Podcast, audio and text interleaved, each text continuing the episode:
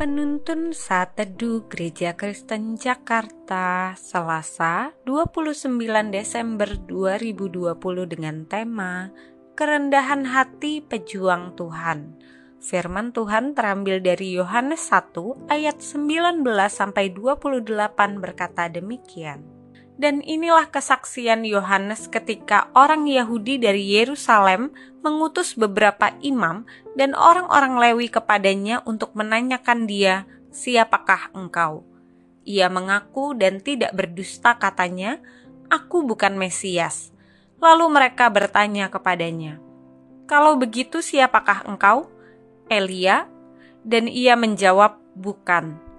Engkaukah nabi yang akan datang? Dan ia menjawab, "Bukan." Maka kata mereka kepadanya, "Siapakah engkau?" Sebab kami harus memberi jawab kepada mereka yang mengutus kami, "Apakah katamu tentang dirimu sendiri?" Jawabnya, "Akulah suara orang yang berseru-seru di padang gurun, luruskanlah jalan Tuhan." Seperti yang dikatakan Nabi Yesaya, dan di antara orang-orang yang diutus itu ada beberapa orang Farisi. Mereka bertanya kepadanya, katanya, "Mengapakah engkau membaptis jikalau engkau bukan Mesias, bukan Elia, dan bukan nabi yang akan datang?" Yohanes menjawab mereka, katanya, "Aku membaptis dengan air, tetapi di tengah-tengah kamu berdiri Dia yang tidak kamu kenal." Yaitu dia yang datang kemudian daripadaku, membuka tali kasutnya pun aku tidak layak. Hal itu terjadi di Betania yang di seberang sungai Yordan di mana Yohanes membaptis. Beberapa waktu yang lalu muncul postingan yang viral tentang seorang raja Butan yang bernama Raja Jikme Kesar Namgyel Wangchuk dalam postingan itu terlihat sang Raja Jikme sedang mengupas bawang dengan mengenakan pakaian santai untuk menyiapkan makanan bagi siswa-siswa sekolah dasar di Mongar, wilayah kerajaan Butan.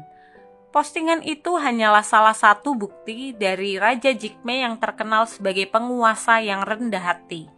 Banyak pengguna media sosial yang memuji sikap Raja Butan ini yang sangat berlainan dengan bangsawan dari kerajaan lainnya. Yohanes Pembaptis, sang pejuang Tuhan, dijelaskan oleh Rasul Yohanes dalam Injilnya sebagai seorang hamba Tuhan yang rendah hati. Ada dua bukti kerendahan hati Yohanes Pembaptis yang disampaikan oleh sang rasul. Pertama, Yohanes menggambarkan kebesaran pribadi Yesus dengan membandingkan dirinya dengan Mesias hamba tidak harus selalu melepas sendal tuannya, tetapi Yohanes bahkan merasa tidak layak untuk melakukan tugas yang paling kasar ini, yaitu melepaskan tali kasut Mesias.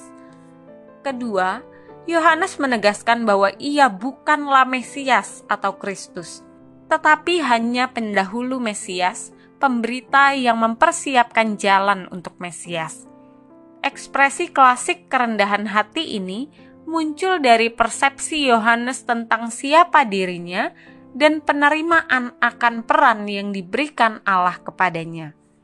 Sebagai hamba-hamba Allah, sudah sepatutnya kita meneladani kerendahan hati sang pejuang Tuhan yaitu Yohanes Pembaptis.